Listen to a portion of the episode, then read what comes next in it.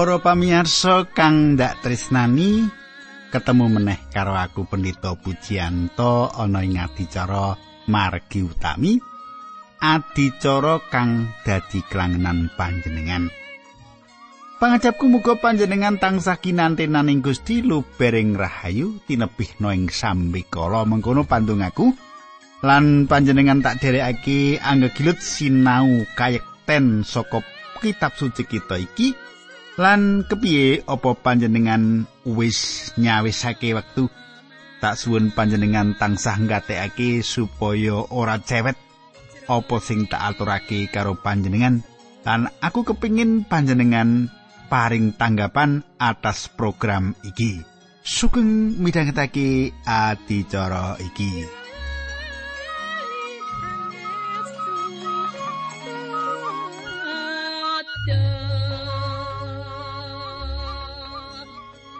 Katanggu kang dak tresnani adicara kepungkur kita wis pirsa yen Nabi Musa wis netepake para hakim kanggo bantu Musa mutusake prakara-prakara ing satengahing bangsa Israel.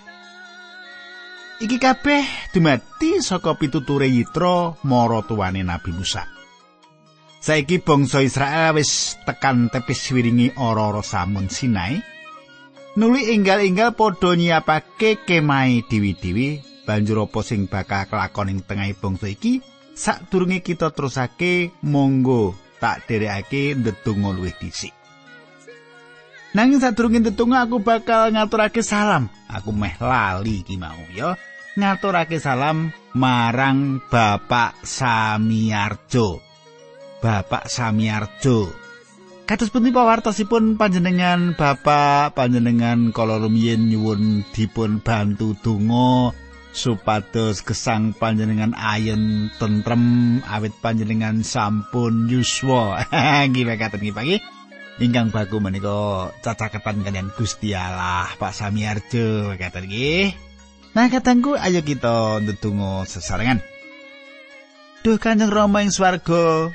Kawula ngaturaken gunging panuwun menawi wekdal menika kawula saged tetunggilan kalian sederek-sederek kawula ingkang setya tuhu midhangetaken adicara menika.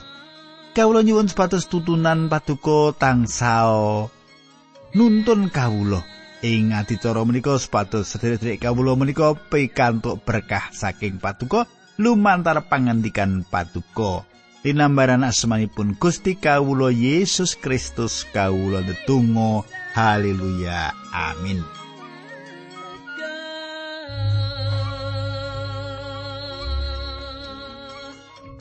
Katangku kita bakal nyinau ayat papat dan limo soko pasal songolas kitab pangentasan Aku maca pangentasan 19 ayat 4 dan 5 saka basa pedinan. Makono ya. Kowe kabeh wis padha weruh apa kang ndak tandukake marang wong Mesir lan kepriye enggonku ngirit kowe ndak parakake ing ngarsaku kene kanthi panguwasa kang gedhe kaya dene manuk garuda sing gendong anake ing swiwine.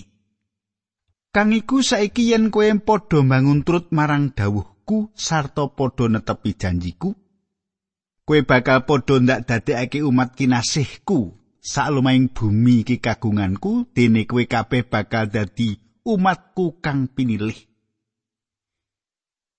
Kadangku nggone lelaku, nggone mlaku bangsa Israel iki ing pangreksa lan pangrimate Allah. Saka Mesir saiki wis tekan ora samun ing sikile gunung Sinai. Allah uga paring penget apa sing wis ditindakake marang bangsa Mesir lan ngrimati. Ngreksa bangsa Israel kaya patrape manuk garuda sing rengkuh amrih slamete marang anake. Manuk garuda iki manuk sing mangan daging kaya sing disebut. Ayub songo ayat 6 Kaya lakune prau mengkono rikate lakune kaya rikate manuk garuda sing nyamber memangsani. Wi Ayub 9 ayat 6 likur. Ndak bereni sepisan maneh isine ayat ing dhuwur mau. Kaya lakune prau mengkono rikate lakune kaya rikate manuk garuda sing nyamber memangsani. Manuk garuda ing kitab suci minangka pralambange Allah. ing kitab Yeskiel pasuryane Allah diento kaya dene endase manuk garuda. Ing Wahyu bab papat Allah uga digambarake kaya dene manuk garuda sing lagi mabur. Manuk garuda bisa gawe irame wong jalaran tengginas nalika mabur dhuwur ing awang-awang. Manuk garuda kaya dene montor mabur nanging wujude manuk. Ya manuk garuda iki sing kekuatane kaya montor mabur sing dilambangake Gusti Allah. Allah ngendika marang bangsa Israel yen panjenengani Allah sing wis nggindong bangsa iki nuli dipopong bali marang Allah pribadi. Iku gambaran sih rahmate Allah sing ora kena diukur sepiro gedini sing wis ngluwari saka Mesir nyabrang segara Teberau lan nganti saiki wis tekan ora-ora samun ing sikile Gunung Sinai. Israel wis dituntun saka Mesir nganti tekan Naladan Sinai. Ana pitung pengalaman nggone lelaku iki sing meh padha karo pengalaman kita wong Kristen. Allah pirsa kahanane wong Israel sing tanpa daya nalika ditindes dening wong-wong Mesir. Nalika kabeteng segara Tebarau, kaalangan segara Tebarau. Allah paring pitulungan kanthi panguasane sing ngidap-idapi. Setapak-setapak sak jangkah sak selakune bangsa Israel nganti tekan Sinai iki panjenengan wis bisa ngrasakake yen kabeh lakon ora ana siji wae tanpa pitulungane Allah.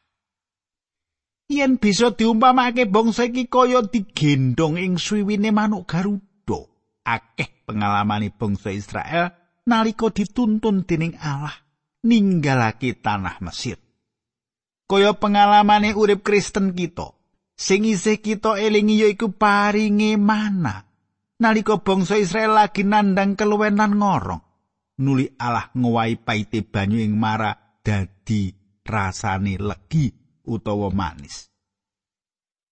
Bangsa Israel saka serangane bangsa Amalek gambaran ing batin kita Allah kaya dene manuk garuda sing tansah njogo keselamatane anak-anake.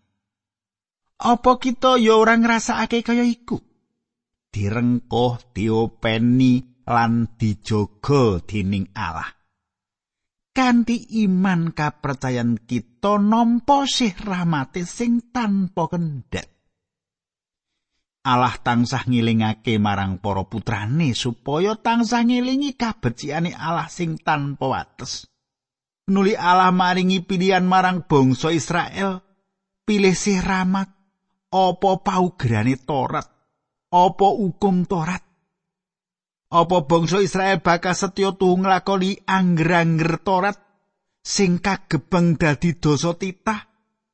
Nganti dina iki isih akeh sing padha nglakoni angger-anggeri dosa titah. Sepuluh papaken. Mongko jaman iki kawilujengan wis ora saka nglakoni angger-anggeri torat meneh. Iki wis jaman sih rahmate Allah. Bedane gedhe banget. Aduh sungsate antarane angger-anggeri torat lan kawilujengan saka sih rahmat sumitraku angger-angger sipate supaya dilakoni dene sih rahmat mung kanthi pracaya. Angger-angger iku meksa supaya nglakoni yen sih rahmat kapalingan kekuatan supaya bisa nindakake. Angger-angger sipate ngancam malah nganggo sapu dendok. Angger-angger ngandhakake lakonana mengko kowe bakal wilujeng.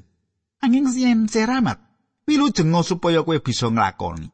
Angger-angger Torat bisa ngukum manungsa sing paling apik, nanging sih rahmat nyelametake manungsa sing paling duraka. Angger-angger Torat papakone Torat ngandhakake watak wantune Allah lan uga ngandhakake kasekengane manungsa. Rum telu ayat 19. Rum telu ayat 19 mengene sulasani.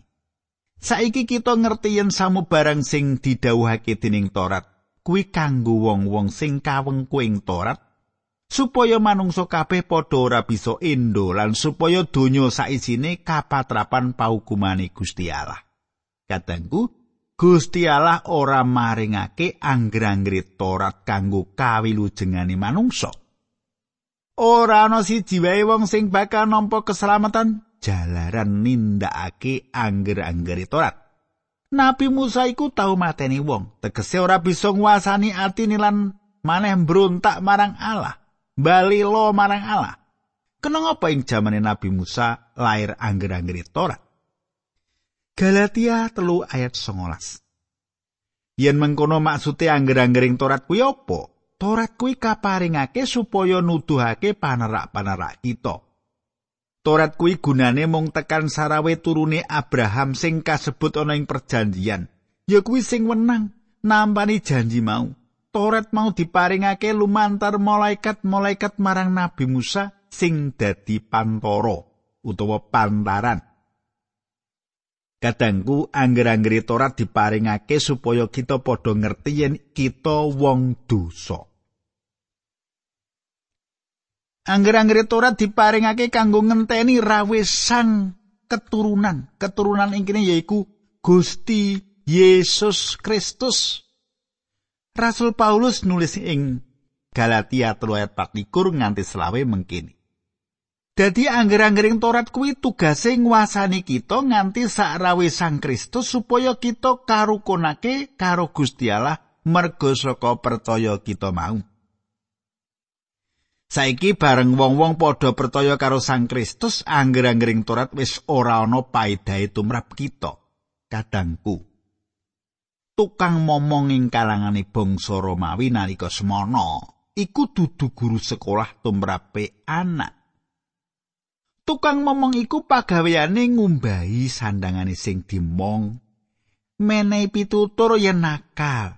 Lan yen perlu juru pamomong iki bisa matrapi paukuman sak cukupe. Yen wis cukup umure, tukang momong iki nggawa bocah sing dimong iki menyang sekolahan dipasrahake karo guru. Angger-anggere Torat iku kaya dene juru momong kanggo kita, nyekal tangan kita kaya patrape gandeng bocah cilik dituntun nuju menyang salib kanthi menehi pitutur anakku kowe perlu juru wilujeng mengkono uga kita kita iki para wong dosa sing merlokake sing butuhake juru wilujeng. Piye panjenengan? Panjenengan apa yang butuhake juru wilujeng? Ora. Inggih Pak kula mbetahaken. Lah kok uripe kok ijek Jukuda nyekadul ngono. Saya kita terus ke pangentasan songolas ayat 6. Sarto kue bakal podo dadi umat kang ndak sengker ngladosi aku ana ing kratonku. Katangku, wiwitane Allah ngersakake bangsa Israel dadi wujud kratone kaimaman. Kabeh taler suku Israel kudu dadi imam. Jalaran gagal nggone mlebu ing Kades Barnea lan padha nyembah reca sapi sing nalika semara Nabi Musa ana ing pucak ing Gunung Sinai nampani dosa titah utawa sepuluh pepakon paugerani angger-angger Torat. Allah ngersakake ing besuke kabeh manungsa padha kaayuban kraton sewu taun ing bawah perintahe kraton kaimaman. Kedadian iki bakal nyoto sawise para wong pracaya sinengkake ngaluhur dening Gusti Yesus Kristus mapaning kutha Yerusalem sing anyar. Saiki panjenengan tak wacake pangentasan 19 ayat pitu pangentasan 19 ayat 8 lan 9 ya mengkene surasane. Musa banjur mandap sarta ngumpulake para tuwa-tuwane bangsa diceritani apa sing wis didhawuhake dening Allah marang Musa. Kabeh padha mangsuli bebarengan, kula badhe sami nindakaken sakdawuhipun Gusti Allah. Lan wangsulane iki diaturake dening Musa marang Gusti Allah, pangandikane Allah marang Musa. Aku bakal ngrawi kowe ing sadroning mendung kang peteng sarta wong-wong bakal padha krungu pangandikaku marang kowe wiwit wektu iki wong-wong bakal padha ngandel marang kowe. Kadangku, enggone Allah maringi angger-angger Torat ing Gunung Sinai iki kaya dene hak mirunggan. Dispensasi ini Allah marang bangsa Israel. garis mirunggan saka gunung Sinai tekan Golgota saka kitab pangentasan nganti tekan lelakon Gusti Yesus disalib. Iki panyatan marang sawijining bangsa sing kahanane pantes yen kaanggep mirunggan ing ngarsane Allah. Emane dene bangsa iki ora bisa njangkepi nggone nglakoni angger-angger Taurat. Sinaten bangsa Israel matur yen sanggup nglakoni kabeh isine angger-angger Taurat, nanging nyatane sawise 1500 taun lawase isih ora kuwagang nglakoni. Kahanan iki kaya uripe manungsa ing jaman iki padha ngira yen kanthi kekuatane dhewe bisa gawe renane penggali Allah. Piye panjenengan? Apa panjenengan ya mengkono iki duwe ngira nek panjenengan ki iso mbudidaya supaya dadi keparengi Gusti Allah? Apa tau duwe pikiran mengkono panjenengan? Mula panjenengan ora tau nyang gereja, ora tau ndedonga. Pemene ngaturake pisungsung bar blas. Katangku tak teruske. Podho ngira manungsa iki yen kanthi kekuatane dhewe bisa gawe renane penggali Allah. Manungsa sawantah. Manungsa lumrah. Tanpa pitulungane Allah. Masih ora bakal bisa nindakake angger-anggere Taurat. Ora bisa nindakake pepakone Taurat. Pepakone Taurat iku minangka kendali urip lawase manungsa sing nunjang palang. kendali. Coba panjenengan semak Rom 8 ayat 6. Yen pikiramu direh dening daging, kuwi kowe bakal mati. Nanging yen direh dening roh Gusti Allah kowe bakal urip kelawan tentrem. Ayat pitu. Wong sing pikirane direh dening daging kuwi dadi satrune Gusti Allah merga ora manut karo angger-anggere Gusti Allah. Satemene wong mau pancen ora bisa urip manut angger-anggere Gusti Allah. kadangku panjenengan lan aku senajan wis dadi wong pracaya isih padha duweni sifat lawas. Sifat lawas kuwi sifat sing lelawanan karo Allah. Lire ora bisa kanthi setya tuhu sing gembleng. Nurut kersane Allah malah keporo gawe prihatin penggali Allah. Apa kita? Panjenengan lan aku wis metani sifat sing kepriye sing durung beres sing ngarsane Allah. Metani awake dhewe, gagapi awake dhewe. Apa panjenengan wis legawa yen to Allah dawuh yen panjenengan lan aku durung sembodo dadi putrane Allah? Puji konjuk Gusti awit panjenengane wis yasa paugeran liyane ora ana siji wae manungsa sing sembodo ing ngarsane Allah. Ora ana siji wae manungsa sing sembodo ing ngarsane Allah. Senajan nalika angger-anggere Torat dibeberake Allah supaya dilakoni dening bangsa Israel, bangsa iki nyanggupi kanggo nglakoni nanging sejatine ora ana siji wae sing bisa nglakoni paugerane Allah. Senajan Allah wis tau paring dawuh yen angger-anggere Torat ora bisa milu jengake, wis semono isih akeh manungsa sing nggone golek swarga iku sarana nglakoni angger-anggere Taurat. Panjenengan perso muspro. muspro tanpa guna. Coba panjenengan semak pangentasan 19 saiki ya. Pangentasan 19 ayat 10 nganti 11. Mengkini surasani. Saiki wong-wong iku paranono padha konen sesuci ing dina iki lan sesuk kanggo ibadah sandangane kudu padha dikumbah besok mben kudu wis padha cemawis ing dina kuwi aku bakal tedhak menyang gunung Sinai supaya wong-wong kabeh padha ndeleng marang aku. Wah luar biasa. Kaya apa dadine mengko pangentasan 19 ayat 13 gawe pager ing sak kubenging gunung kuwi supaya aja sing munggah ing gunung apa maneh nyedak ing sikiling gunung sing sapa ngliwati pager bakal kaukum pati Kadangku bangsa Israel padha kadhawuhan nyedak menyang gunung Sinai nanging ora dikeparengake nyekel utawa ngepok singgul jalaran apa jalaran bakal mati ya gegirisi banget ning ngono ya. Sing nyekel bakal mati. Saiki tak wacake ayat 13 nganti 15 malah 16 sisan ya. Wong mau kudu dipenturi watu utawa dipanah lan ora kena digepok ing tangan. Larangan iki kanggo manungsa lan kewan sapa wae sing liwati pager kudu dihukum pati. Mung sawise krungu unining slompret bangsa mau kabeh lagi kena munggah ing gunung. Musa banjur mandhap saka gunung lan dawuh supaya wong-wong padha sesuci kanggo ngibadah dawi besok ben kowe kudu wis padha cecawis lan tekan dina kaping telune kowe ora kena padha nyedhaki wong wadon.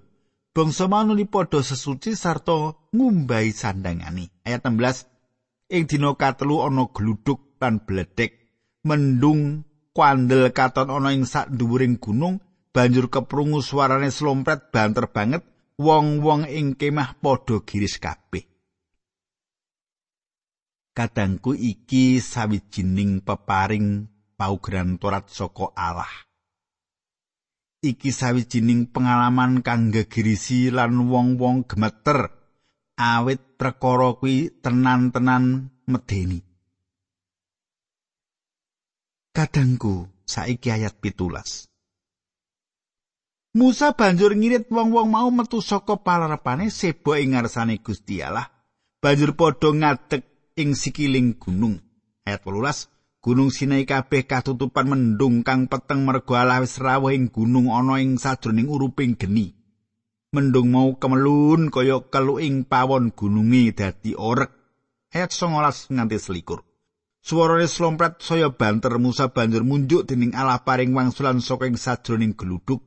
Gusti Allah nuli tumedhak marang putu ing Gunung Sinai sarta nimbali Musa supaya marek. Musa uga banjur minggah. Gusti Allah nuli ngendika, "Muduna sarta bangsa kuwi elingno. Yen ora kena mbrobo sing pager sarta nyedak ndeleng aku temah akeh sing bakal padha mati. Kadangku bangsa Israel mung bakal krungu suarane wae kaya sing ditulis ing Yohanes 1:18 mengkene surat sani. Ora ana wong siji wae sing wis tau weruh Gusti Allah. Nanging putrane Allah untang-anting sing jumeneng Allah piyambak lan sing tetunggilan karo Sang Rama kuwi sing ngetingalake Gusti Allah marang kita. Saiki diteruske pangentasan 19 ayat 23 nganti selawi. Mengkono uga para imam sing kepengin nyedhaki aku kudu sesuci supaya aja ketamaning bebendu. Ature Musa marang Allah, bangsa menika mboten badhe minggah mergi Gusti sampun ngendikani kawula bilih redi menika kadadosna pangginan ingkang suci, so sampun wonten pageripun mubeng. Dawi Gusti Allah muduna sarta mrene meneh karo Harun nanging para imam lan rakyat aja nganti mbrobos sing pager suwane ngarsaku temah kena ing bebendu. Musa banjur mandhap sarta nerusake dawi Allah marang wong-wong mau. Kadangku. Upamane bangsa Israel ngerti kasekengane luwih dhisik nalika didawi Allah kanggo ngugemi lan nglakoni angger-anggere Torat. Mesti bakal ora wani jawab yen saguh nglakoni. Ing kene kita bisa ngerti yen kasekengane manungsa luwih ceples yen nampa sih rahmati Allah ketimbang nglakoni angger-anggere Torat. Yo iki dalan sing pancen cocok kanggo kita manungsa supaya kawilujengake. Kadangku semene disi aturku monggo kita ndonga sadurunge mungkasi adicara iki. Duh Kanjeng Rama ingkang ada dampar wonten kraton ing kasuwargan ingkang kawula sambet sebuti wonten ing asmanipun Gusti kawula Yesus Kristus. Kawula ngaturaken kuing panuwun menawi wekdal menika saged tetunggilan kalian sedherek kawula lan kawula sampun beberaken sabda pangandikan Paduka kintenipun kanthi Sang Rasuti Paduka saged mbikak manahipun lan jlentrehake menapa ingkang perlu. Dinambaran asmanipun Gusti Yesus kawula tunggu. Haleluya. Amin.